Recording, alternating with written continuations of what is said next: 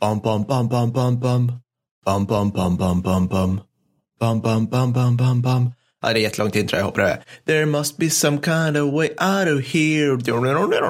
Said the joker to the thief. So much confusion. I can't get no relief.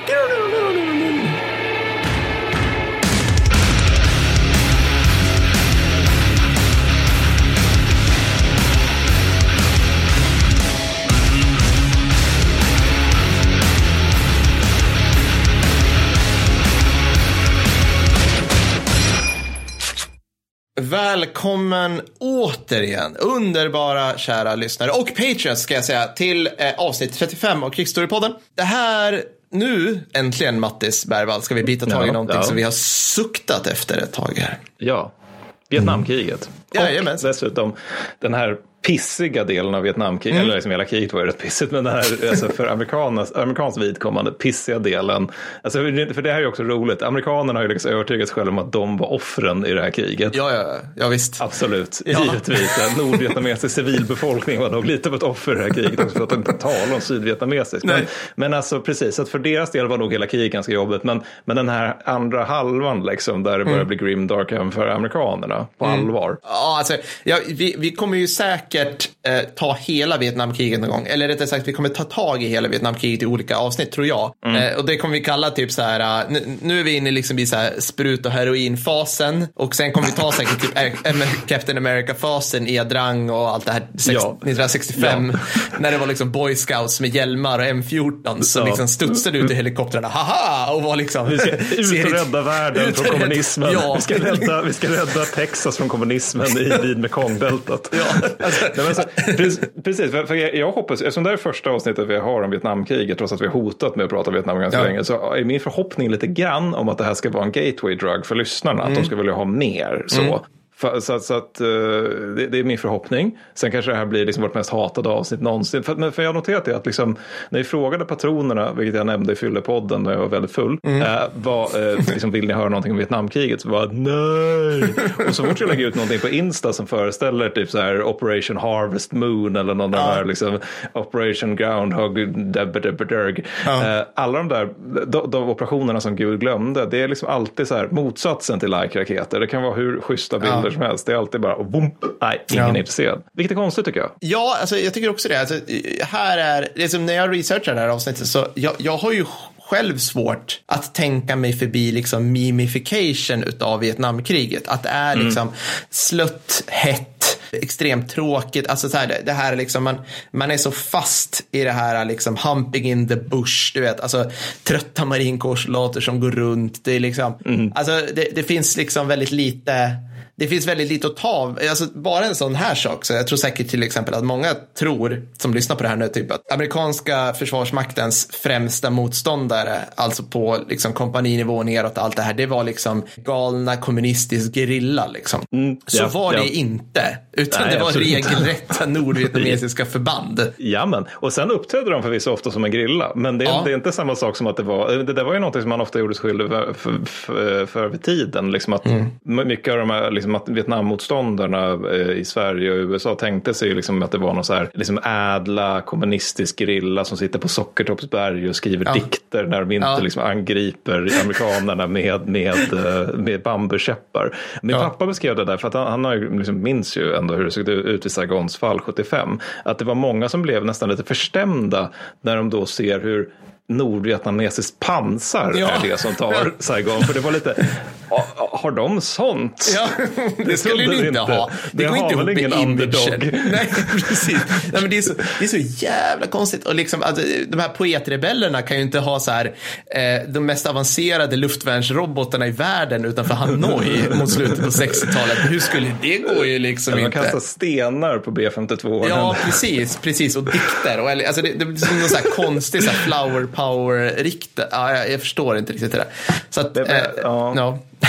Nej, men jag tänker just det här med bara sista innan vi pratar shout och sånt där. Den, mm. alltså, det var en grej som slog, slog mig. Det, var, att det kanske är så att det här, liksom, vad, vad vi uppfattar som lite av ett ointresse för Vietnamkriget handlar mycket om att det finns få slag att hänga upp det på. Mm. Alltså om man mm. tar andra världskriget och så östfronten då finns det de tre klassikerna. Liksom Moskva, Stalingrad, Kursk och mm. möjligtvis bagation också. Mm. Ja, Berlin, så ett per år. Liksom. Mm. Och sen finns det ju El Alamein ifall man tror är anglofil. Mm. Och så finns det Normandie. Alltså, det, och det finns liksom de här grejerna att hänga upp det på. Där man kan inbilla sig att men här vände allting. Ja, Men alltså, ja. i Vietnam där är det så här Operation Masher som av politiska skäl döps om till White Wing för att Masher lät, lät för liksom läskigt. Ja. Vad leder det till? Ingenting. Nej. Och så, så var tätt, ja det är väl någon form av vändpunktslag men inte militärt utan nej, politiskt. Och, det, ja. det, är inte, och rätt många som skriver om kriget också skriver ju inte om liksom själva alltså så strid, strid på kompaninivå-grejen. De skriver ju mer så här om ja, men det politiska, det diplomatiska spelet, alltså mm. kanske mycket av de här sociala rörelserna i USA mm. eller liksom att man håller på med någon så här nästan folkloristisk beskrivning av vietnamesisk kampanda och sånt ja. där. Alltså att man på något sätt beskriver rätt mycket kring kriget snarare än det här 90 gritty om kriget ja. som är mer av hur man brukar beskriva världskrigen till exempel. Precis, precis. Ja men exakt.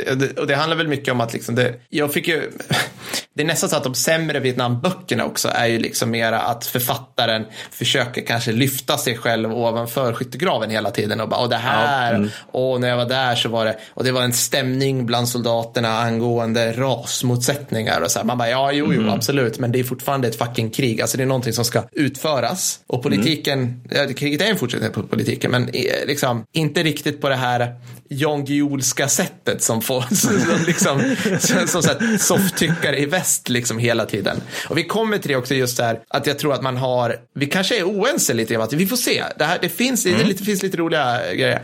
Men just hur, mm. eh, hur, eh, hur man kan se faktiskt på amerikanska armén ut, utveckling under den här tiden också och början. Mm. Liksom. Mm. Eh, så lite spännande. Du, eh, du nämnde shoutouts. Du har ju en dunder shoutout. Jag har en så jävla fet shoutout så jag bara tar över ordet direkt. Du, Jimmy, du, du, har köpt en massa domäner till oss. Alltså det här är så fantastiskt. Det, det, det, finns en, en underbar tradition, lång tradition. Hela det här året vi har hållit på, så lång har det varit, att, att folk ger oss saker. Ja. Kommer du ihåg Mattis, vi fick typ så här, någon, någon hade suttit och ritat av oss. Mm. Eh, just det, just det. Kommer mm. du ihåg det? Och någon, ja, alltså, så här, med alla med citat och grejer liksom. Mm. Och, och ja, och sen folk ger vår oss... första fanart. Ja, vår första fanart. Vi har fått alla våra loggor, vi har fått allt. Alltså det är svinkul. Och Jimmy, du tyckte så här att hallå, ni kan ju inte bara ha krigshistoriepodden.com som någon form av porrsida. För alla vet att .com-adresser är ju så här. Skärp er nu. Och vi grät lite grann, för du har rätt. Eh, så att du har fixat de andra åt oss. Eh, net. Nej, jag skojar. Ja, men alltså, det var ju Vem har .net?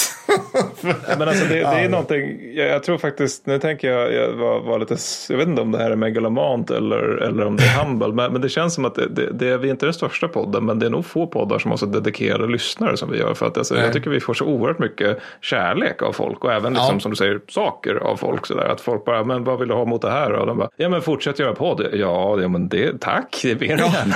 Ja. men det är jätte, jätteschysst och det, jag tycker ofta det där är lite sånt som jag, jag, i varje fall jag blir lite, ja men rörd eller humble ja. Av. Alltså, jag tycker det känns väldigt hedrande. Jag håller med. Det är väldigt fint. Så tack Jimmy. Tack Jimmy. Vill du göra fler saker så bara hör av dig. det finns säkert fler domäner som du tycker är värt. Nej jag skojar. Men äh, svinkul. Det uppskattar vi. Ja, jag har, jag har två shoutouts. Eh, den här första, båda är från, från iTunes, eh, så rate oss för fan som jag brukar säga. Mm. Eh, den första är från Dr. Krig, vilket jag tycker är ett bra namn. bra namn. Lite Dr. Doom över hela. Han skriver, det bästa som har hänt sedan skivat bröd? Frågetecken. Mattis och Per levande gör krigshistoria på ett sätt som forskning etablerad och etablerad historieskildring ofta undviker. Detta genom att betona det mänskliga, kaotiska ofta irrationella i krig, oavsett om den handlar om inkompetens, svår berusning eller eller impotens, inom parentes Konrad. allt detta på ett sätt som är behagligt att lyssna på. Och lita på mig, jag doktorerar i krigsvetenskap. Oj, vad fint. Ja. Utöver att det är alltid kul, så tack för det. Utöver att det är alltid kul att få, få goda vitsord av någon som doktorerar typ det vi snackar om. Så jag, jag, tycker om det här med just betoningen av det här irrationella, liksom att det, mm. någon plockar upp det. För att jag, jag, det är ju det jag har varit inne på när jag håller på att prata om att vi är en antikrigspodd. Alltså mm. det här mm. avsaknaden av det högstämda.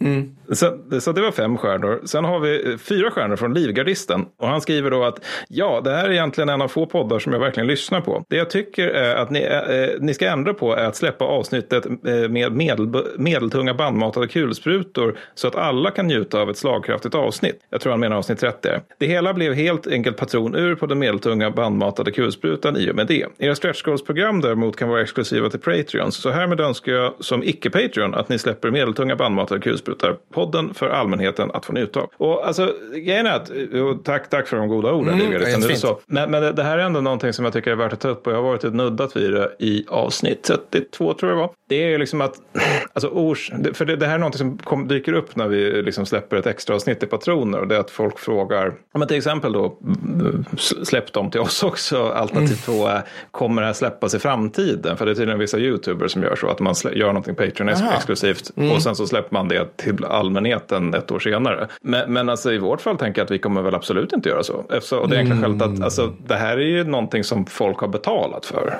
Ja. Alltså, det, det, och det, det, är så enkelt det är, är jag rädd. Så att, alltså, jag skulle tycka det, kändes, det skulle kännas lite taskigt mot våra arbetsgivare om de liksom faktiskt ger oss betalt för att göra poddar och sen så lite senare, typ, ja men varsågod alla. Alltså, ja. det, det är så jag resonerar i varje fall. Ja, och, jag, jag hoppas inte det låter elakt, liksom, men, men, det är ju så det funkar. Och jag vill också återigen stryka under att till skillnad från typ alla andra som har upprättat en Patreon så har vi inte dragit ner på antalet avsnitt som går ut till offentligheten. Nej, Just det, precis. Det ska noteras också faktiskt. För det är ju vanligt att man liksom lägger då hälften av avsnitten bakom en betalvägg. Typ mm. Stormens utveckling och seriemördarpodden vet jag har gjort så. Mm. Mm. Men, men, så har inte vi gjort. Utan vi har ju fortsatt precis lika många avsnitt som tidigare. Fast fler till de som faktiskt ger oss pengar för att ge fler. Och mm. jag tänker att vi ska fortsätta göra. Ja, Absolut. Har jag något att tillägga? Jag kan bara säga Livgardisten, om du jobbar på Livgardet så kommer du gå en hel del högvakt. Då har du fan råd med 10 euro eh, att, att bli med i en kul. Så får du tillgång till det. Och du får också tillgång till såklart alla andra specialavsnitt. Förlåt, extra avsnitt eh, som vi har gjort. Och det är också, det nämner du inte heller Mattis. Alltså inte bara med att vi har kör ett, två liksom, ordinarie avsnitt ut till alla per månad. Vi, får, vi gör ju också specialavsnitt. Som, där vi ja, liksom får feeling mer eller mindre och slänger ur oss. Mm. Och de får också alla.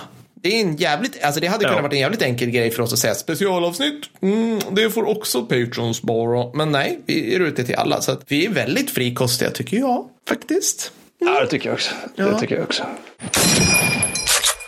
Men men, det var det. Ska vi köra lite Vietnamkriget eller? Det ska vi göra. Kan vi få copyrightad musik? I see a red door and I want it painted black. Colors, varför vill man inte ha en röd dörr? Kanske rökte Jagger lite för mycket hash. Och sen sjunger de andra saker. Här ska det också fejdas ut. Tack. Okej, okay. ja men då, då så. Jag tänkte faktiskt ta på mig eh, äran då att inleda det här. För att jag tänkte, ja. och här behöver vi lite stämningsmusik här. För Per, tänk dig här. Du har ju varit i Afghanistan och nu är du tillbaka. Du är i Afghanistan. Och jag du, är i Afghanistan. Du har, trött, ja. du har tröttnat. Och du, du, har tröttnat så in i helvete på det här skitkriget. Mm. Alltså, varken mm. du eller någon annan vill vara den sista man som dör i den här konflikten. Som ni alla vet dessutom ska avslutas. Jag menar, det vet vi ju just nu. Det kommer avslutas den 11 september, passande nog. Så därför anstränger ni er inte. Alltså, ni har ju varit här länge. Det är varmt, det är skitjobbigt. Det, liksom, det händer ingenting. Det kommer inte, ingenting ni gör kommer förändra det här krigets utgång. Så ni latchar mest runt. Ni vägrar raka ni vägrar putsa era kängor och när någon officer är dum nog att liksom försöka upprätthålla disciplin och liknande, då hotar ni honom med döden. eh, för att det är det rimliga. Och ja, det är ja, ja. fan vad gött det är med några extra bärs ikväll så är värmen, gärna 17. Sådär. Så ställa ut vakter och liknande orkar ni fan inte nej, med. Nej, nej, nej, eh, så det gör ni inte heller. Varför gå post? Ni är ju berusade. Ja, du har så Eller också är ni bakis. Och vad skulle ens poängen vara? Preach it. Ingenting kommer ändå hända. Ända tills det händer. För en natt när ni ligger och sover och alla har förmodligen några starköl innanför västen och en hög av er har säkert provat på lokal narkotika. En kväll så smyger sig 50 tallisar in genom ert så kallade försvar. De är nämligen fortfarande jävligt motiverade. Och ni får ju fullständig jävla panik när ni, ni liksom vaknar upp ur spritdimmorna och inser att oj, fienden är här, det är ett problem. Och det blir liksom inte bättre när natten helt plötsligt lyses upp av explosionerna från era artilleripjäser som talibuskerna just har sprängt. Ah. Så natten, när natten har gått så har fienden knivat eller skjutit ihjäl 33 av er och skadat ytterligare ett hundratal och många medan ni fortfarande ligger i era och trynar i era sovsäckar. Och efterhand så säger ni liksom till den som kommer och rotar igenom det här liksom, liksom vraket av en, en svensk bas eh, att ja, men vi, vi dödade väl 15, men vem vet? Ingen Nej. vet. Förmodligen Nej. var det färre. Och det här det här är rakt av vad som skedde i Vietnam vid Fire Support Base Marianne den 28 mars 1971. Bra, bra namn på Firebasen för övrigt. Ja, Jävligt respektingivande. ja. alltså, det enda jag har bytt ut det är att det var svenskar och eh, talibusker. Ja. I övrigt så är det här precis det vad som hände. Sjukt. Det är helt sjukt ju. Ja. Alltså, ja. Jesus Christ. Det är sånt där som händer. Något gått fel. Ja, alltså, då är något gått fel. varför, eh, varför, hur hamnar de där? Alltså, det här kan jag bli så här trött på. För jag menar, man ser man kollar på typ så här We Were Soldiers, då är det ju verkligen, då är det verkligen boy scouts som hoppar ut ur helikoptern mm. med perfekt klippta frisyrer och liksom som bara hej ho, silver, liksom. Ja, men också att soldaterna faktiskt säger I'm glad I died for my country. Ja. Vilket är någonting, ja, alltså visst, det står i boken We were soldier once and we were young att det skedde. Men jag, ja. förlåt, jag tror inte på det. Jag tror inte en jävel har sagt så när man ligger och blöder ut i någon jävla förfärlig träsk någonstans i Sydostasien med så oklara krigsmål. Nej. Även om det är tidigt i Vietnamkriget. Förlåt, Nej. jag tror Helmore faktiskt hittade på det. Jag tror, jag tror också det. Men, men det, det här är jävligt spännande. Vi, alltså jag, kan ju, jag kan ju lägga till där också, liksom att om vi nu ponerar då att jag då den här omotiverade, eh, berusade och med lite så här uh, Afghan black innanför västen då, då på kvällen ja. där. Ni, vilket år årtal sa du att det var? Förlåt, 1970? 71. 71, ja. Jag kan, ju, jag kan ju förklara lite grann var den här individen kommer ifrån. Alltså, så, här, så, att det funkar så här att om, jag, jag är då eh, icke collegeutbildad, går inte på universitet i USA, du vet, har inte för mig någonting egentligen. Och eh, hela tiden, under liksom hela min tonårstid, så har liksom Lyndon B Johnson ökat antalet som ska kallas in för värnpliktstjänstgöring. För USA hade nämligen värnpliktstjänstgöring på den här tiden. Väldigt få kallades in, men han skruvade sagt upp där. Så att eh, det som händer då är att jag får mitt, mitt draft card och jag ska kallas in. Jag har inget annat för mig, så jag åker dit. Sen börjar någonting som är, alltså om man vet någonting om hur militära förband fungerar och framförallt hur 18-åringar fungerar så är det här så här, det, så är det som, som gjort för att få någon att känna sig demoraliserad, förvirrad, eh, rädd, ledsen och bortkommen. Du, du, du, liksom, du hämtas, eh, du, säg att jag går, igenom alla, jag går igenom alla de här testerna, så skickas jag iväg till något som heter typ basic training. Det här gäller amerikanska armén. Jag ska försöka bränna igenom det här hyfsat lätt. Den är åtta månader, eller vad säger jag, åtta månader, inte en chans, den är åtta veckor lång. Och det är ungefär som en, en GU. Mattis. Man kan säga att det är en ja, Alltså det, det, du, du lär dig gå och stå och springa och du har, du har typ så här bra skjututbildning till och med. Alltså mm. det här ska, det här, jag kommer vara lite upp och ner nu när jag berättar om det här, men till exempel så har de så här att man, man trycker ihop sig i stridspar och så har man som ungefär en personlig personlig färdighetsbana där du står i ett värn och så dyker det upp fallmål på kända och okända distanser och du ska se inom en viss tid nedkämpa de här. Och det här kan jag säga för alla ni som jobbar i Försvarsmakten, eller ni, ni i Försvarsmakten vet det, alla andra vet det inte, att det här är så här fucking dröm. För nio fall av tio i svenska mm. Försvarsmakten, då ligger du på en skjutbana och du skjuter på papptavlor som kanske eller kanske inte, oftast har de någon form av så här siluett på sig. Det är inte alls realistiskt. Det är inte alls i fältmiljö. Det är bara råkar vara lite utomhus. Men annars är det en, som en jävla älgskyttebana. Det här är alltså, och ibland då, alldeles för sällan, då åker man till ett skjutfält och då kanske man kan rodda ihop något liknande så här. Men ändå, mm. så det här är jättebra, den delen. Och sen, ja, du lär dig allting. Sen bara, precis vid åtta veckors tiden, och det här finns säkert sådana här gruppdynamiska föreläsare som kan prata men det tar ungefär åtta till tio veckor innan en grupp har satt sig. Perfekt. Firocirkeln som man pratar om. Ja, ja, då rycks du ur som den kugghjulsmaskineri du är och någon säger åt dig så här, eh, okej, okay, eh, nu pratar vi om mig i det här fallet, du ska åka till Advanced Infantry Training. Ja, ah, okej, okay. mm. och så ska du åka, korsa hela landet och så kastas du in i samma jävla cykel igen med andra människor och där är du kanske 30 dagar igen eller för, för 8 dagar, jag kommer, något åt det hållet. Sen är du klar med det, vad händer då Mattis? Ja, nej, fortsätt. En ny utbildning såklart. Eller ny, ny så pipeline eller något sånt. För du rycks hela tiden. Alltså det är du mm. med ditt nummer som hela tiden bara skuffas runt i den här organisationen. Och det är väl också så att man, man när man är till och med på den här första GUn så är det liksom folk från halva USA som knölas ihop i en grupp. Liksom. Ja, precis. För, för att alltså, ibland när man ska förklara liksom, tyskarnas stridseffektivitet under vär, världskrigen, då tar man upp det här med verkriser. Alltså att du, du har liksom kompanier och divisioner som kommer från samma regioner. Ja. Och det gör att de har redan liksom en stark gruppkohesion bara för att de, de, de känner till, de har liksom samma kulturella beröringspunkter. Men så det amerikanerna gör här är att göra precis tvärtom. Ja, Att ja man tar exakt. folk från, vi tar några från Appalacherna, några från, från, eh, från Los Angeles, några från New York och sen hoppas vi att de i egenskap av amerikaner inte ska ha några andra skillnader mellan varandra. Absolut inte. Och det, det finns till och med, det var en bra bok jag läste om det här som var liksom, okej, okay, ta liksom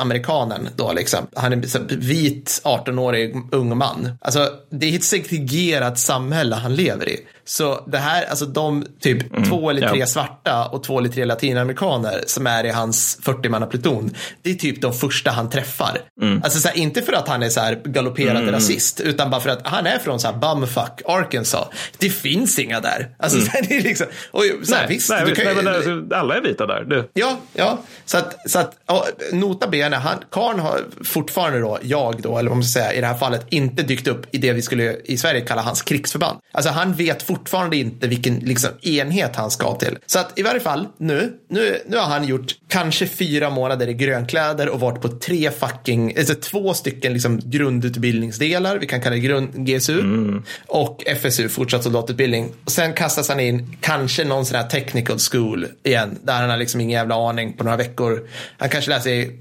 infanteriet, han kanske läser så här, skjuta GRK där eller något sånt där annat. Ja. Sen har han ledighet och sen har han något annat och sen ska han ta några sprutor. Och sen är det bara så här, ja, åk till Oakland. Oakland, Matti, ska jag berätta, är det en trendig del av San Francisco-bukten nu idag. På den tiden var det så här, USAs största armébas som hette så här Oakland Army Terminal och ungefär, var ungefär lika charmigt som det låter. Och där var det bara så här, här, ta din flygbiljett, flyg till Vietnam. Hej då. Han bara, mm. ja, okej. Okay. Och återigen på ett fullt då chartrat flygplan utan någon han känner. Och det också att de åker liksom civila passagerarplan. Jag tror det är Tim ah. O'Brien som beskriver det som att det är bara det här kriget som kan inledas och avslutas med den typen av flykt. Ja. Liksom. Att ja. det är så här söta flygvärdinnor som är där ja. och liksom tar hand om ja. Man får lite, man får en liten drink. Och... Ja, ja, ja. ja. de hade det bättre än vad vi hade när vi flög till Afghanistan. Vi fick ingen jävla drink ja, det av det där trötta tjeckiska eh, inchartrade flygbolaget. Ja. Men också om man jämför med andra världskriget, liksom, när de ska iväg till Stilla havsöarna där, där är det ju liksom så att man kan hålla på med förband som utbildning ombord på fartygen. Man kan hålla mm. på med att skapa gruppkohesion ombord på fartygen. Ja. Det är lite svårare om det är liksom att ja, nej, men vi kommer till Danang om sju timmar, ni kan sova, de flesta av er kommer ändå inte hamna i samma förband, så vad spelar det för roll ifall ni känner varandra? Nej, och alltså, tänk dig nu liksom när du var 18 år, eller mm. ni som lyssnar när ni var 18 år och vad ni än gjorde då efter gymnasiet, alltså Tänk er första mötena med, alla, med de här människorna. Alltså, ni, ni åkte på språkkurser kanske, eller ni gjorde värnplikten, eller ni gjorde någonting annat. Mm. Ni började plugga. Alltså, jag försöker tänka mig själv på, jag minns ju nästan alla de här första mötena, för man är som en svamp när man är 18. Man bara mm. suger i sig allting. Liksom. Man, är så, man är oftast rätt öppen, man är oftast rätt så här, eh, identitetssökande. Liksom. Man, man, man, mm. man är inte färdigväxt, man vet inte riktigt, man vet fan inte vem man är egentligen. Nej. Och, och tänk er då att vara med om, alltså, inte bara nog den här, den här paniken och förvirringen av att stå i grönkläder som jag tror alla som gjort värnplikten under kan, kan känna efter. Mm. Utan allt det andra också, alltså gång på gång under kort tid. Och så att, så att alla bra, jag ska säga alla så bra saker som faktiskt sker under eh, amerikanska arméns GU och FSU. Alltså de har bra saker. De har, de har det här, och det här kan låta så jävla hemskt av mig, men de har det här du vet, kräla under taggtråd medan kulsprutor skjuter på dem. Just det, just det. Och det, det här, och det, jag är så här, okej, okay, jag förstår att liksom Säki i Försvarsmakten inte tillåter det här idag. Eller att det finns vissa så här, Arbetsmiljöverket skulle ha synpunkter på om så här, Ing 2 skulle liksom sätta upp sådana här banor på skjutfält eller något så här. Jag fattar. Men det det faktiskt gör är att tvinga soldater att fokusera. De tvingar soldater att liksom känna, alltså smaka på stressen som strid mm. kan erbjuda. Och så de har flera sådana här grejer, liksom att du ska så här, självförtroendeövningar och självförtroendebyggnad grejer. Du ska så här, klättra upp för ett jävla torn och är du minsta höjden tycker det är svinläskigt men du gör det, vilket känner att du klarar av det. Det är typ som, eh, ja men det man brukar hitta på för sånt här under liksom värnplikt i Sverige, det är typ så här repellera Liksom, för att det är läskigt eller något. Jag vet inte. Är det roligt också? Men det, jag, tycker, jag tycker det var jättekul. Så det var jättebra. Men liksom, det, det är inte så att du, du... Annars sker ju allting i väldigt här, snälla, mer eller mindre rimliga liksom, utbildningsblock. Här är det inte så. Här är det fortfarande mm. lite grann så här att du har bajonettstrid som en del av din GU. Inte för att bajonetten ja, är så jävla viktigt utan för att... Nytta. Ja, precis. Konrad myser när han hör det här. Men du, du har liksom, du ska öva på din aggressivitet. Du ska, du ska kunna mm. kontrollera din aggressivitet. Så, så de har bra saker. De har något som kallas för Tigerland som är en relativt dålig film med Colin Farrell men som faktiskt är typ så här, typ som den här äh, markstridsbyn Kvarn. Alltså de har byggt upp typ en vietnamesisk mm. by. Alltså det är rätt, för att vara fucking 60-talet så är det relativt smart och pedagogiskt. Så ska jag säga. Ja, absolut, absolut. Skitsamma, du landar då i ditt chartrade flygplan i Da Nang. Ja, ja. Och eh, ja. Det första du möts av är liksom luften, eller liksom bara att luften är så varm att det känns som att gå in i en vägg. Jag har nämligen prövat att gå av ett flygplan i Vietnam och det är verkligen så. Man kommer ut från liksom ett luftkonditionerat flygplan till att man går in i en vägg. Och luftfuktigheten oh. är liksom, ja men det är som liksom på en miljöpartistisk partikonferens som är liksom ett jävla växthus. Och, alltså, och sen också att det är det luktar bajs överallt. Alltså det luktar bajs precis Gör överallt för att man Aha. använder det här på åkrarna. Och det, det är just liksom ja. på den grejen också att du just, du är på en plats och sen går det 7, 8, 11 vad det kan ta timmar att flyga. Och sen går det av och sen så är det helt, möts du liksom bara av sinnesintryck som är upp och ner mot allting du någonsin upplevt tidigare. Det är liksom mm. första intrycket av att eh, säga hej till Vietnam. Ja, precis. Och då, när du kliver av och din fot nuddar plattan, eh, då har du tolv månader kvar tills du får åka därifrån. Och eh, ja, men det som händer sen är liksom, alltså, ja, du ska ju till ditt förband och det kan ju vara liksom absolut nordligaste delen av Sydvietnam, ut, mitt ute i djungeln, kan vara. Eller så är det mer troligt mm. då en schysst bas någonstans. För att som vi kommer till då så är det ju så här, så här nio av tio soldater i Vietnam är så här rear echelon motherfuckers liksom, motsvarande. Ja, men de är tross och stab och så här, samband och sådana här grejer. Liksom. Ja, men, men, också, men också det här med hur, hur, hur man kommer dit, alltså att du kommer dit med folk som de har redan varit där några månader. Du, du har tolv månader kvar, men ja, några mm. kanske har nio månader kvar, några har sex månader kvar, några har tre månader kvar. Mm. Någon en vecka ska alldeles bara dra. Det är alltid han som dör först i filmen. Mm, ja. men, men sen också att det här gör ju återigen att det blir omöjligt att skapa gruppkohesion. För att ja. alla har liksom en helt annan nivå av erfarenhet från Vietnam. Och de mm. som har sämst nivå av erfarenhet är i regel officerarna. För att mm. skyttet är där i tolv månaderna, månader. Stam, stamanställda underofficerare där for life mer eller mindre. Och sen så har vi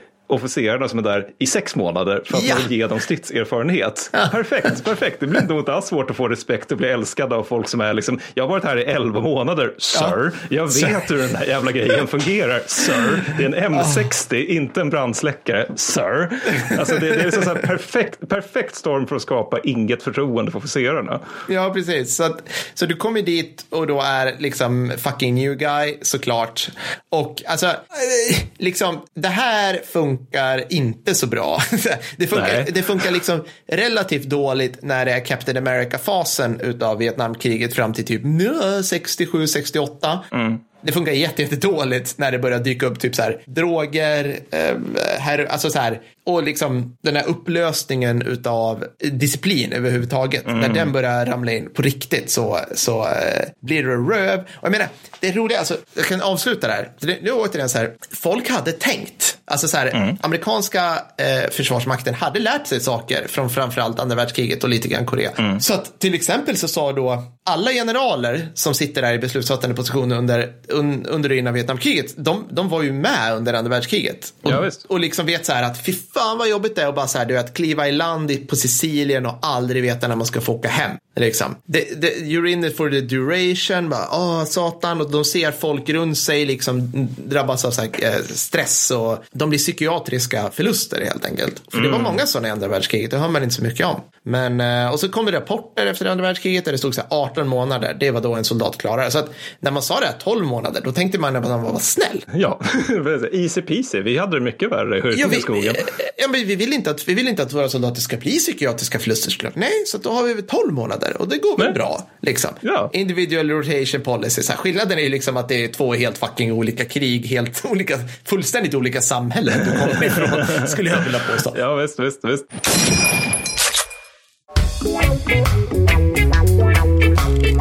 Detta går raka vägen ut till er fenomenala lyssnare. För det är nämligen så att Gösta Jones på CIs lokalkontor i Örkelljunga hörde av sig gällande ämnet av det här avsnittet. Han tycker att vi gör bra skit, men att vi inte riktigt lyckas ge lyssnarna den här autentiska Vietnamupplevelsen. Därför bjuder han in oss till sin egengjorda Vietnam War Death Park utanför Flen, där du bland annat kan navigera mellan vietnamesiska bajsfällor, få eldabrott och pröva olika substanser, om man säger så. Drugs are bad. You shouldn't do drugs. Okay, that about wraps up my introduction. Prova nu! Obs! 18 års åldersgräns. Okay. Men alltså det du är inne på här, det, det är ju i grund och botten ett av väldigt många strukturproblem som finns. Mm. Alltså, men det, fin- det finns ju många typer av problem i, för amerikanska krigsmakten i, i, i Vietnam. Men, men alltså just när det gäller de här övergripande metastrukturerna, där är det liksom så mycket så att, alltså bara så en sak som att de, de utkämpar ett krig där det här med tagen terräng inte betyder någonting. För de Nej. håller redan Sydvietnam. Ja, ja. Och de kan inte invadera nord. För då, Nej. de vet, minns, minns hur det gick i Korea. Om vi går norrut över en parallellgrad då kan det bli 600 000 jätteglada kineser som kommer stormandes. Liksom. Ja. De, de har, oroar sig för det hela tiden. De vill inte mucka med Sovjet. De vill inte ha några kärnvapen som börjar skickas iväg på grund av Mekongdeltat. Liksom. Men det gör ju i sin tur att man måste ju på, liksom nästan hitta på vad som är krigsmålen. Eftersom så här, krigsmålen är, ja men okej, eh, upprätthålla amerikansk prestige och se till att det finns ett fritt Sydvietnam. Fine, men, men liksom hur förklarar man det för skyttet då? Alltså det, fanns no, det var någon studie man gjorde efter, eller om det var i slutet av kriget, där man frågade amerikanskt skytte, okej, vad är krigsmålen i det här kriget? Och då var det 70 procent som känner till sina taktiska mål. Det vill säga, vi ska gå till den där kullen och där finns det någon form av vietnameser som vi ska spränga bort från den kullen. Men samma andel visste inte vad krigsmålen var. Man hade ingen jävla aning. Nej, nej. Det kan inte vara bra. Alltså det är nog Nej. bättre, bättre om du vet liksom så här, som egenskap av amerikanskt skytte under säg, andra världskriget återigen. Då, liksom att vårt krigsmål är att vi ska nå den där bunkern där Hitler sitter och sen ska vi skjuta honom och då är kriget över. Ja. Alltså det hade inte varit så lätt men det var ju nog vad de intalade sig. När vi kommer till Berlin, då är vi färdiga. Då kan jag åka hem. Ja, liksom. men precis. Då kan jag åka hem och så kan jag bygga liksom mitt white picket fence, trädgård och allt det där. Men, Ja. men så, så, då istället för det här så var man upptvungen att uppfinna 62 olika statistiska punkter för att bedöma hur det gick i kriget. För det gick ju inte att mäta i terräng. Utan det var liksom så här, en punkt där, hur mycket bomber släpper vi över Nordvietnam? Ja, jättemånga. Ja, men bra, då vinner vi. An- En annan punkt är liksom, hur är vår kill ratio? Den är jättebra. Vår KD ratio är fantastisk. Det dör skitmycket vietnameser för varje amerikan som dör. Bra, då vinner vi Bra, kriget. ja. Och så, så var det också det här med body count. Body count det känner nog många till, men jag tycker ändå att det är värt att upprätthålla sig lite grann med det. För Mm. att det är ju liksom att man helt enkelt räknar dödade fiender. Mm. Och det här blir liksom en egen nytta under det sena 60-talet där det är liksom så här att alltså, så enskilda brigader kan ha mål per månad. Ni ska ha dödat si och så många VC eller NVA Ja, ja. under den här månaden. Och uppfyller ni inte den, då är det ett problem. Det är ett stort Ja. problem. Och det finns Ja. citat där, där det är liksom en brigadchef som säger då till sina överordnade att the VC are getting hard to find. Var på svaret där, well, the brigade commanders aren't. och problemet med det, det är att om då han inte hittar VC, Nej. då kommer folk under honom få, få, få, få uppmaningar om att hitta VC. Om Ja. de inte hittar VC, då kommer de antingen i bästa fall säga, bara ljuga rakt av. Vi sköt Ja. 10 VC, vi är, vi Ja. gerillakrigare, vi, vi, vi gjorde det. Så varsågod, vi förlorade ingen, Ja. det var en jättebra strid för oss. Alternativ två, det är ju att de börjar skjuta på bönderna och säger att det är VC. Eller hittar Ja. något lik bara och säger att det är VC. Det finns något exempel där så här, en bondgubbe som blev påkörd av en amerikansk lastbil som ja, blev typ så här 162 nedkämpade gerillakrigare för att hela det här body count-systemet var ju liksom, det är liksom gjort för att man ska skapa den här typen av hyperinflation Ja. vid fiendens Ja. förlustsiffror. Och men det i sig är ju också demoraliserande. Det är ett krig som Ja. bara går ut på att vi ska liksom följa någon form av statistisk matris för att någon längre upp tycker att det låter som en bra idé. Mm. Men sen också när vi snackar om det här hur sena Vietnamkriget är efter tätt. det- Begreppet vietnamisering Per, är det någonting du känner till? Eh, det är, en, eh, är, det, är det någon form av maträtt? Att man ska liksom krydda extra maträtt? Ja, nästan. Ja. Men, men efter tätt så slutar liksom amerikanska presidenter för att prata, de slutar prata om seger och börjar istället prata om fred med heder och om Snyggt. vietnamisering. Ja. Och vietnamisering, det är liksom att man säger att okej, vi har tidigare dragit det, det tunga lasset i det här kriget. Mm. Nu så måste sydvietnamesiska armén, det vill säga Arvin som de kallas, de måste nu ta över ansvar. Så vietnamiseringen är att liksom lägga över mer och mer ansvar på Arvin. Men problemet är att det är ju det här krigets ama. Ja, jag tror jag tänkte exakt säga det. Här har vi en väldigt bra, här har vi en väldigt bra koppling. Jag fattar Ja. inte hur det går till. Nej, men de har ju varit under utbildning sedan typ så här 2002. Det borde ju vara Ja. världens snävigaste armé vid det här laget. Och trots det, nej, de är inte så jävla bra. Och det är samma grej med Arvin. De har fått så jävla mycket utbildning och det är inte jättebra. Det är liksom en rapport från 70, sen- tidiga 70-tal som sk- eh, skriver att Arvin vid det laget, citat, plockat upp 30 krigets sämre vanor. Vilket nog inte heller är sådär jättebra i så här hearts and minds krig som det här är.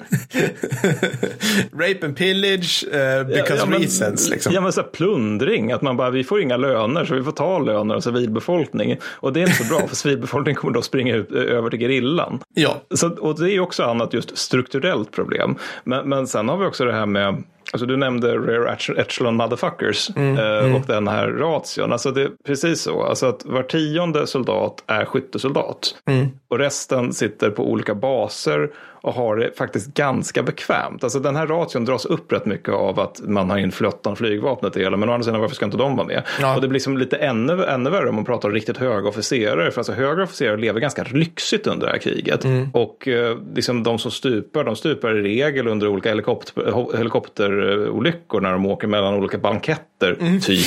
Alltså för, för att de besöker fronten som en ritual och ger ofta order som är liksom helt jäkla verklighetsfrånvändande för skyttet. Och det här kan man också förresten jämföra dem med så här, tyska generaler under andra världskriget. Alltså att ett tio stupar och ett tjog tillfångatas bara under operation bagration. Ja. Eller brittiska generaler under första fucking Ja. världskriget. Alltså 200 stupar eller såras i strid. Ja. Under första världskriget. Det hände inte under Vietnam kan jag säga. Nej, och, och, och vi har ju våra åsikter om, om liksom högre ledning i alla länder under första världskriget. Ja, vi- så att vi har ju det, vi har ju säger en det. del ändå. Liksom, så här. Ja, ja, det.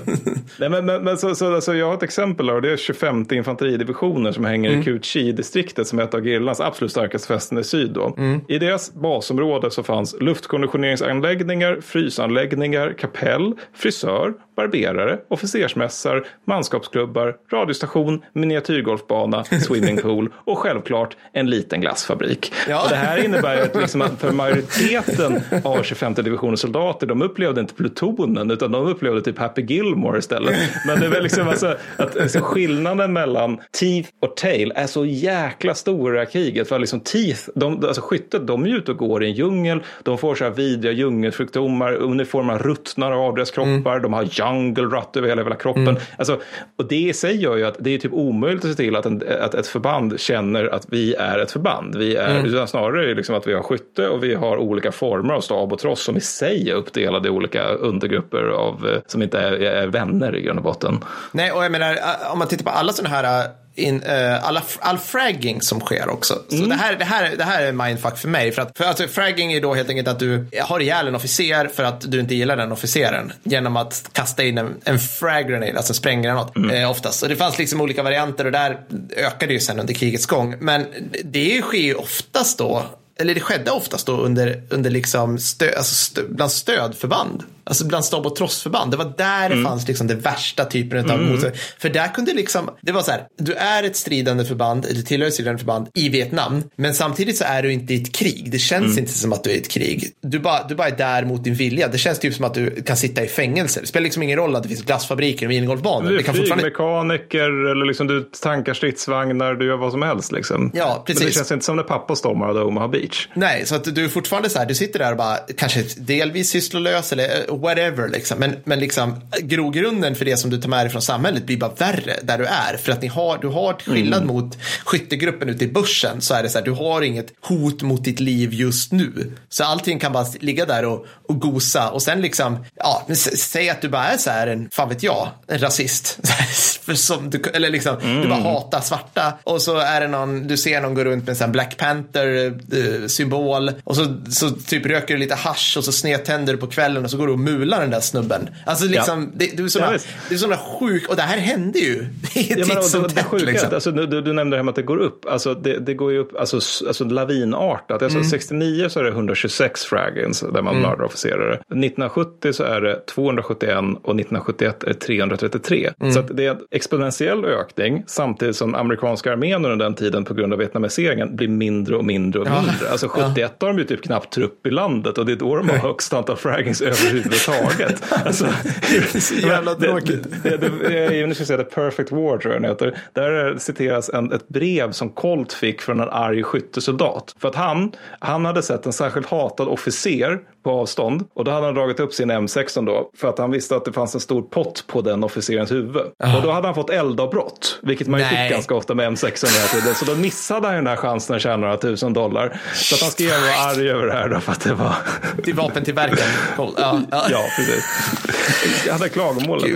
Ja, alltså, Men alltså ja, det- fraggins det är också en del av så ett disciplinproblem generellt under sen- sena Vietnamkriget. Och, och det, det, är liksom, det finns ju många bra exempel på det. Det är typ så här, rena deserteringar fyrdubblas mellan 66 och 71. Det är liksom 70 per tusen man som bara rakt av deserterar, alltså flyr till Kanada eller till Sverige till rätt stor omfattning. Det finns en rätt bra bok om det. Sen finns det sandbagging som också är ett fascinerande Åh, fenomen. ja. Det är liksom, du åker ut i bussen, du luftlandsätts till toning, tonerna av, ska vi säga Gimme Shelter? Ja. Världens bästa låt, Gimme Shelter. Nej, det, det är Fortune Sun, skitsamma. Uh, I alla fall, de luftlandsätts till, till, till ljudet av episk musik. Och sen så tar de terräng, stormar ut i bussen, helikoptrarna drar iväg. Bara, go, go Love the son. smell of napalm in the morning. Precis, han släpper lite napalm och bara farten och sådär. Och sen det det skyttet gör, det är att de upprättar ett igelkottsförsvar någonstans där de inte syns. Och sen så är de där. Och sen så på radion berättar de för högre officerare att vi går framåt. Det är skitmycket vietnameser här. Vi skjuter asmånga av dem. Det var dag ett. Dag två. Vi går ännu mer framåt. Vi har tagit en stor kulle och sprängt ett antal bunkrar. Jag har strypt ut en nordvietnamesisk general. Jag har tagit Jag anser hela att jag deras själv borde få Honor för det krigskista. här. Ja, men, alltså, det, där var så pass, va- alltså, det här med att det finns en term för det indikerar att det nog är ganska vanligt. Och det är nog ganska dåligt för en krigsmakt ifall det är så det funkar när man säger åt skyttet ut och ut och, ut och öva evig, evig ära mot fienden. Liksom. Alltså, Ja. det, det funkar ju verkligen inte. Och sen, sen så där som också så här, första kavalleridivisionen. Vad vet vi om första kavalleridivisionen Per? Eh, men de var väl eh, så här anor, tänker jag. Och typ så här Ja. Air Mobile och fi, fint. Det, alltså det är väl en av, så här, en av så här, dessa amerikanska arméförband som man känner till. Så det är väl så här, bra. Liksom. Snävigt liksom. Ja, Förmodligen. ja. Mm. God förbandsanda och sådär. 1970 registrerade de 35 fall av så kallad combat refusal. Och det är ju Ja. vad vi skulle kalla myteri i äldre tider. Det är inte jättebra om det heller. Och det är alltså ett förband. Och sen sådana här saker i med att, ja men liksom, vad var det här nu? 1000 andra supply and service company. eh, Som tillhör typ Mm. Of course. nationalgardsreserven eller någonting. Ja. De ifrågasätter när de ska skickas ut till Vietnam det lagliga i att de överhuvudtaget skickas. Ja. Alltså, det är allt fler soldater ju längre kriget går som själva känner att det är inte rimligt att jag ska iväg till den där skiten. Det är liksom, Nej. jag, jag vill inte. Och att det, liksom, är- det räcker, väger tungt nog för att det, faktiskt ska få konsekvenser för liksom stridseffektiviteten i fält. Ja, ja, precis. Och jag ska sticka in det där också. Vi, vi pratar ju om officerarna och eh, det, det är så jävla konstigt. Alltså de gör någonting som jag tycker mig känna igen i dagens svenska samhälle. Kulturskymning. eh, men det, det är det här.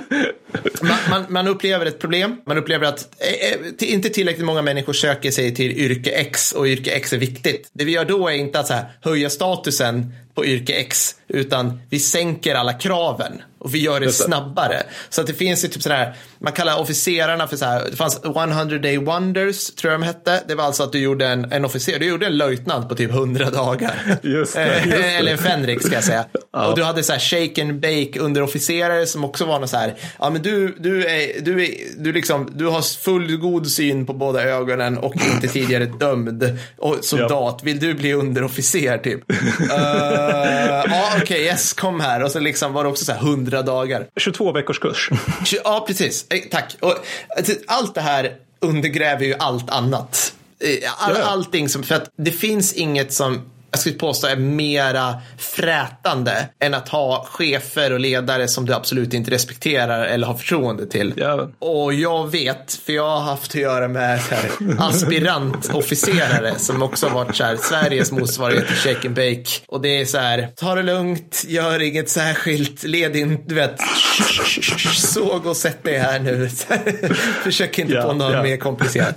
så att, ja, så, och det här är suger. För att det, de flesta säger liksom att det, det, värsta var ju, som du var inne på Mattis, där att officerare bara är i börsen i sex månader, sen ska de gå vidare i sin Mm. karriär, om de inte dör innan. Men, men det där är ju också, det där är ju linje med, med ett fenomen som är liksom i, i, eh, i hela, hela krigsmakten vid den här tiden, framförallt i armén men även i marinkåren vad jag förstått. Att liksom kvaliteten på officerare, underofficerare och skytte blir bara lägre och lägre Mm. och lägre och lägre för varje år som går i det där kriget.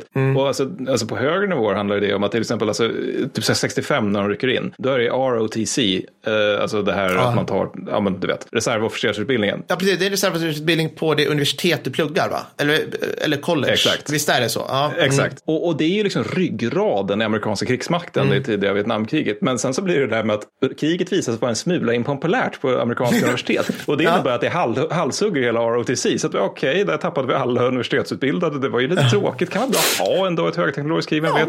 Men sen så är det också så här, ett problem att amerikanerna själva fattar ju att ja, det här är ju inte ett krig för vår existentiella trygghet. Liksom. Alltså att även om vi säger det så fattar vi ju att vi kan ju också hålla på och experimentera lite. Vi kan ju peta Ja. lite. Så då har Ja. vi Project 100 000 som ett lysande exempel på det här. Oh, berätta.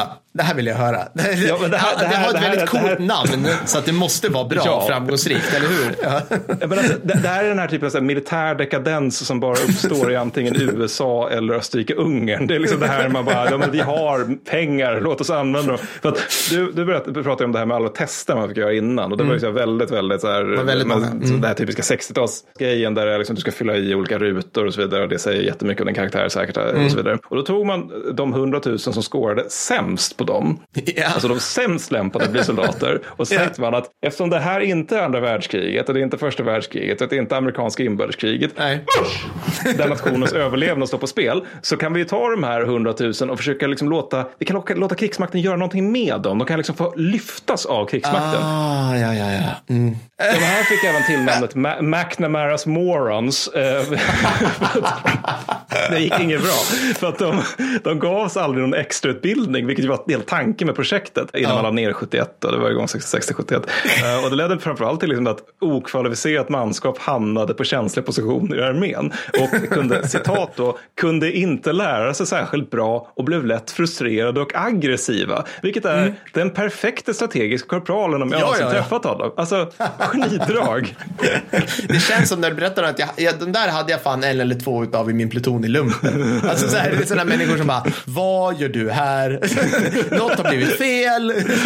Lämna tillbaka ditt vapen och backa ut i logementet. Tack så hemskt mycket. Men alltså, det, ja. fin- det finns ju ändå en viss, alltså, man bör ha ett IQ högre än sin skostorlek ifall man ska till, ha tillgång till, liksom fri tillgång till handgranater och annat smått och gott. Så.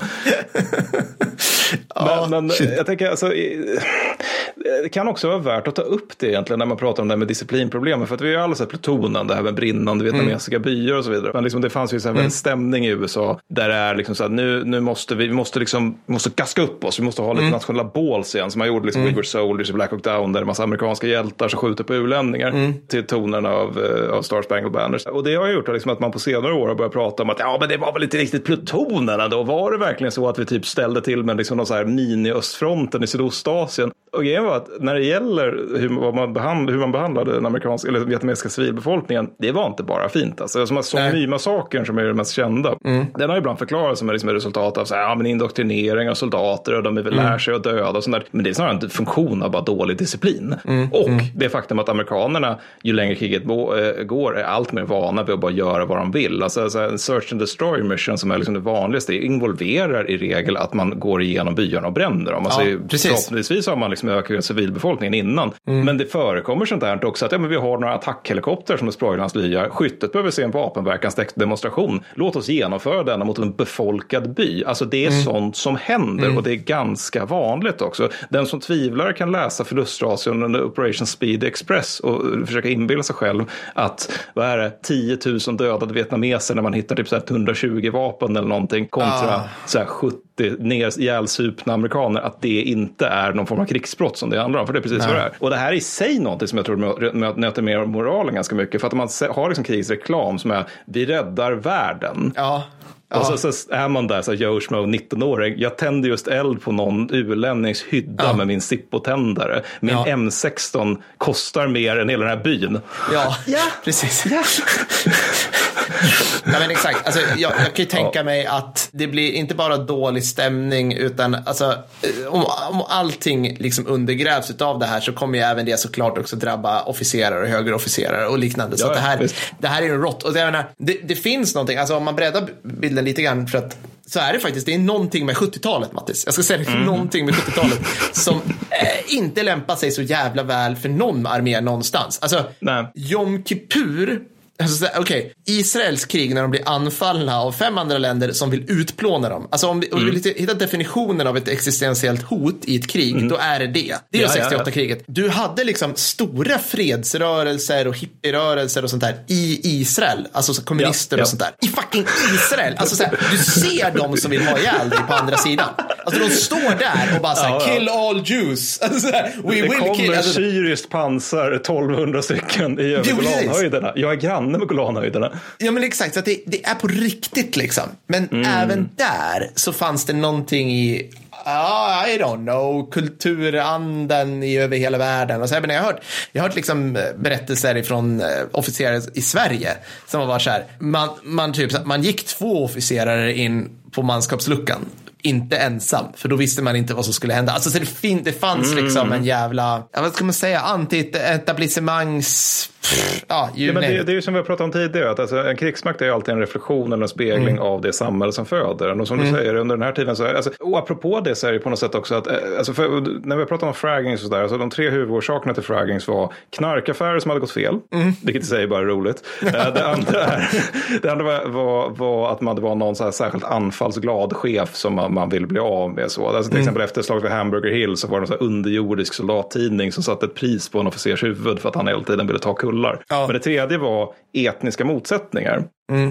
Och det, det är ju liksom så här att när Martin, Martin Luther King mördas, då, då leder det till liksom slagsmål med, över precis hela Sydvietnam mellan svarta och vita soldater. För att det alltid finns någon idiot som är från Arkansas och tycker säger någonting kanske lite okänsligt om den Kanske. här killen som, inte prövade, så här, som, som prövade den fredliga världen för, vägen för att svarta skulle få någon form av så basala de- demokratiska rättigheter. Och belöning för det var att man, han sköts. Var på, ja, då blir det slagsmål, vilket kanske inte är så konstigt. Och det finns minst ett fall som jag hittade där det är liksom så här, det uppstår inst, alltså inom ett kompani som är typ 50-50 svarta och vita, uppstår någon form av diskussion som sen, och det var inte om Martin, Martin Luther King, utan det var så här bara löjligt. Det, det var typ så här vem som hade vunnit en, po, ett poker, en pokermatch. Så det är typ så här, två personer börjar gräla, sen så dyker det upp ytterligare någon skyttegrupp och sen kanske resten av deras pluton. Och sen så börjar de att gräla på allvar och sen går alla åt varsitt håll. Så hämtar de sina vapen och sen så ställer de sig mitt emot varandra med dragen M16. Ja. Och då är det som endast, det här bryts för att det är någon löjtnant som typ riskerar livet och liksom dyker upp med en pistol och säger jag skjuter den första jäveln som skjuter en annan amerikan. Eh, Vilket är ju, ja. men, men, Genius. Ja. Men, liksom, men, ja, men det är så mycket av det där liksom också. Att, typ, att de svarta via liksom, civil rights-rörelsen i USA alltså, inte riktigt känner att det här är deras krig. Alltså, det går, finns en svart soldat som går och sorterar med att liksom, så här, det här är inte vårt krig, det här är den vita mannens krig, vårt krig är hemma. Och det i sig är ju liksom inte så bra om man ser det som att det är faktiskt krig som för, försiggår Mm, där hemma. Men, men också att de upprättar study groups som är liksom helt, helt bara för svarta. Alltså det, det, jag, jag säger inte att det är konstigt att de gjorde det, utan mer liksom bara vill stryka under att det här är inte så bra för förbandskohesionen i grund och botten. Nej, nej. Och det är typ sa- samma grej för, för Asian Americans. Det är liksom, jag, jag läste någon amerikansk löjtig som var, han var nisei så att han har japanskt ursprung. Och det första Mm. hans skytte sa till honom var, Sir you look like a gook. och det är ju liksom... Det började bra. Ja, det var jättebra. det här, det här känner jag kommer bli fint. Ja, skönt.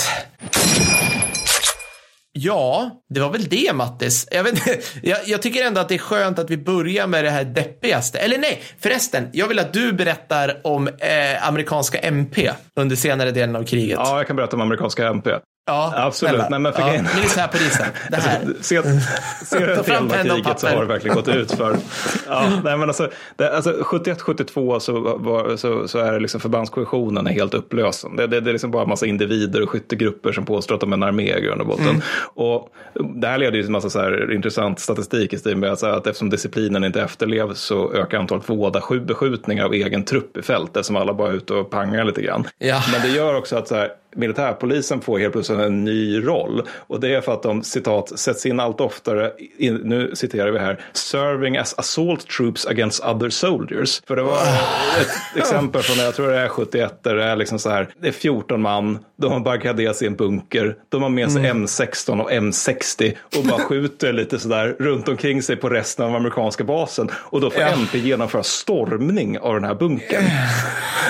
Och, och, det, och det sjuka är också att det här, det här är sista jag ska ta upp, men, men, eh, resten blir nog en Patreon-text. Men alltså, det sjuka är att det här verkligen, inte bara så liksom att det är som att amerikanska samhället tar sig in i Vietnam, utan även att Vietnam tar sig in i, i samhället. För alltså 68 har så många förband roterats in i Vietnam att amerikanska krigsmakten i praktiken bara är combat effective i Vietnam.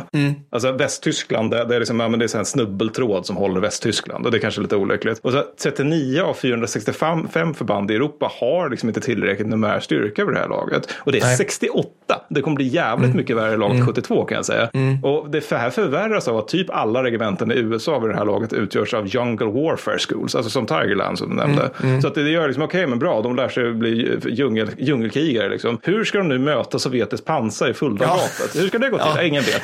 Men då finns det ett exempel då från en amerikansk bas i tyska er, nu ska se, er, Erlangen som sker 1972. Då är det liksom att det dyker upp en kille, jag tror han har varit i Vietnam, jag tror han är kapten vid det här laget. Och då är det att regementets eller kasernernas korridorslampor, de är sönderslagna. Så det är de form av evigt mörker i hela regementet. Inget logement har en dörr på längre, för de har de meniga hakat av och använder som bord inne. Ja. Och så, så har man släpat in soffor och sånt där också. Det Ja. finns lite porraffischer på väggarna. Det är högar med tomma ölbackar som har stoppats i ett hörn. Och liksom folk röker gräs öppet i logementen. Så där liksom får man lösa med vad de officerarna själva kallar för den stora räden där de bara under en natt går bananer i logementen och kastar ut allting som inte ska vara där. Inklusive på ett kompani så var det liksom sex meniga som man kastade ut också för att det, var, det gick inte att ha kvar dem. Det gick inte att ha, låta de här männen göra sin värnplikt för de ställde till med så jävla mycket trubbel och det liksom spred sig till resten av förbandet. Och det är liksom nivån på den amerikanska armén på, på, på, vid den tiden. Alltså att det har gått så I jävla Tyskland. långt. I de alltså Tyskland. In, de är alltså inte i ett krig, de är i Västtyskland.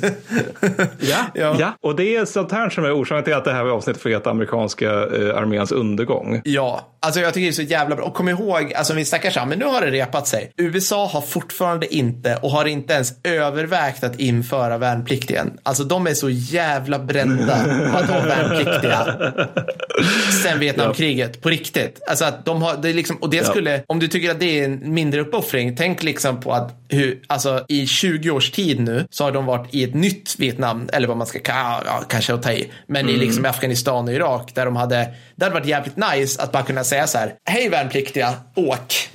För att de har haft jättesvårt att fylla upp det här liksom. Även fast liksom, we're under attack, freedom, do liksom. Så, så att, ja, kännbart skulle jag vilja Ja, påstå. ja, ja. Ja, det ska bli kul i framtiden att ta Captain America-fasen. Något som är lite mer... Det blir mycket mer peppigt. Det kommer så det är jävla jävla sjuka grejer vi har snackat om egentligen. Det här är en armé vi pratar Ja. om. Men jag det älskar här, liksom- ja. Ingen vill. Nej, ingen vill. Jag, jag älskar framförallt de här, ja men typ, vad var det, Vad- du- det var 45 infanteridivisionen eller om det var 42 infanteriregementet som har så här, alla de här förbanden som vi tar upp, de har jättefina anor. De heter Ja, ja. typ så här, du vet så här, the professionals och var med liksom, gick i land i Annecy och så här. De borde bara nu bara ha så här, deras förbandslogga borde bara vara en vapensköld med två korslagda kanyler och en majajolle under. Alltså det, det är liksom... Ja, men vad fan. En dos heroin kostade ju också två dollar i Vietnam. Så. Ja, vem hade inte? Liksom. Det är väl det man kan fråga. Ja, det kommer bli fantastiskt. Men, men, ska vi runda det här så vi kan klippa Ja. det? Men eh, vi har lärt oss saker sen sist också va? Vi har fan lärt oss saker sen sist. Say what? Vad du har lärt dig sen sist? Jag kom på en.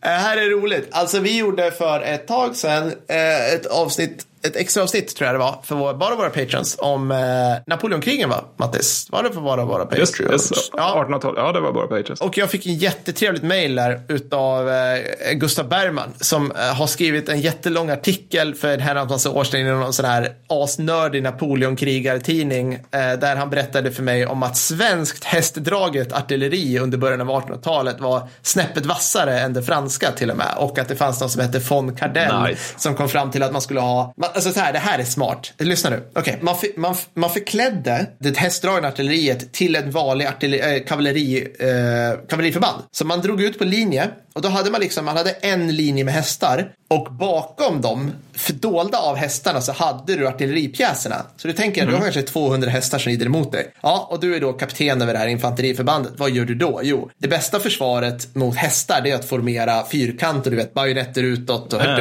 Ja, det är ju, och det var ju hela poängen. För, för det som den fyrkanten är extra känslig mot, det är ju artilleri.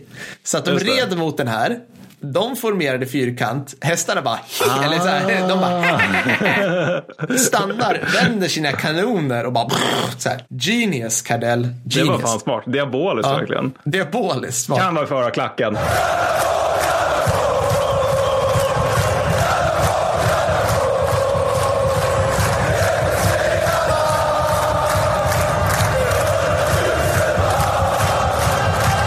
Ah, fint. Jävla gött. Ja, vad har du lärt dig? Ja, jag har lärt mig någonting som inte är så klackenvärdigt, minst sagt. Nej. Nej. men det, det är, jag fortsätter med mitt stora Östfronten-projekt. Nu, nu har jag kommit till 43, så jag ska läsa fyra böcker om Kursk. Började med Ja. den första av dem igår kväll. Ja. Där fick jag lära mig någonting. Det, var, alltså, det borde vi prata om någon dag, men det här med Nazitysklands liksom, jävla pyramidspel till ekonomi som Ja. de hade under andra världskriget. För att, Ja. Alltså, det, det, alltså, det, är ju alltid det här med att de, de lider av det här faktumet att de är i krig med hela världen samtidigt som de har för få, för få medborgare och för lite resurser för att kunna egentligen ta sig an det uppdraget på ett seriöst sätt. Så att det blir det sånt här som att liksom, okej vi mobiliserar armén, det innebär att det helt plötsligt inte är någon i fabrikerna. Så att liksom efter Frankrikefälttåget så är man så här tvungen att vara lite hastigt och lustigt, bara, och så några divisioner som får återgå till det här med ammunitionsproduktion. Men oj, där kom Barbarossa, då får du då gå ut igen och så höll man på på det där sättet. Då. Och då, efter ett tag då så började man kringgå det här genom att man helt enkelt började med slaveri igen i Tyskland. För att det tyckte man kändes modernt och fräscht. Och då var det det här, man kom till 43 då, när eh, Kurskslaget är igång då. En del, en, alltså en del, ett delsyfte i det, utöver det här med liksom att vi ska knipsa av Kurskbågen och så vidare, det var ta många sovjetiska krigsfångar. Ah. Vi behöver arbetskraft där hemma. För att de här förra vi tog, de, de, de mördade vi liksom. Men nu ska ni ta Ja. dem så vi kan använda dem för slaveri hemma. Det är liksom så här nivån på hur sjuk den där nationen Mm. var. Liksom. va. Så att nu, nu, det, för det där är ju som så på 1800-talet när folk liksom var ute och härjade och skulle ta, ta, ta slavar från, från Västafrika till USA. Att det här är syftet, att vi ska, vi ska bara försöka ta trälar. Romarriket, det byggde ju hela ekonomin Ja, på ja, slavar absolut, också, har man ju absolut. förstått. Alltså, så att, Absolut. Ja. Ah, gud, ja, det där ska vi absolut prata om. Det är... Alltså det har jag lärt mig sist. Det är lite grimdark men ja, Ja, intressant tycker jag. Ja. Nästa gång ska vi prata om svenskar i strid. Och inte bara så här, eh, inte bara så galna gubbar som är ute med främlingslegioner, utan i, i eh, typ FN-tjänst. Eller ja, men internationella Ja. insatser, helt enkelt. Ja, Eh, precis. vi kommer säkert göra en Jag tror del det blir människor ganska arga. publikfriande faktiskt. Jag hoppas det. Folk Ja. kommer få stå ut med näsfniss där också. Och Ja, så. Ja. så är det faktiskt. du blev lite mer skeptisk där. Vi får se. Hur som helst. Vi får se. Eh, vem fan har gjort jingel? Frank och Johannes har gjort jingel. Eh, Jag heter, du heter Mats Bergvall. Eh, gör jag. jag heter Per Wallin. vi syns sen. Hej då! Hej då!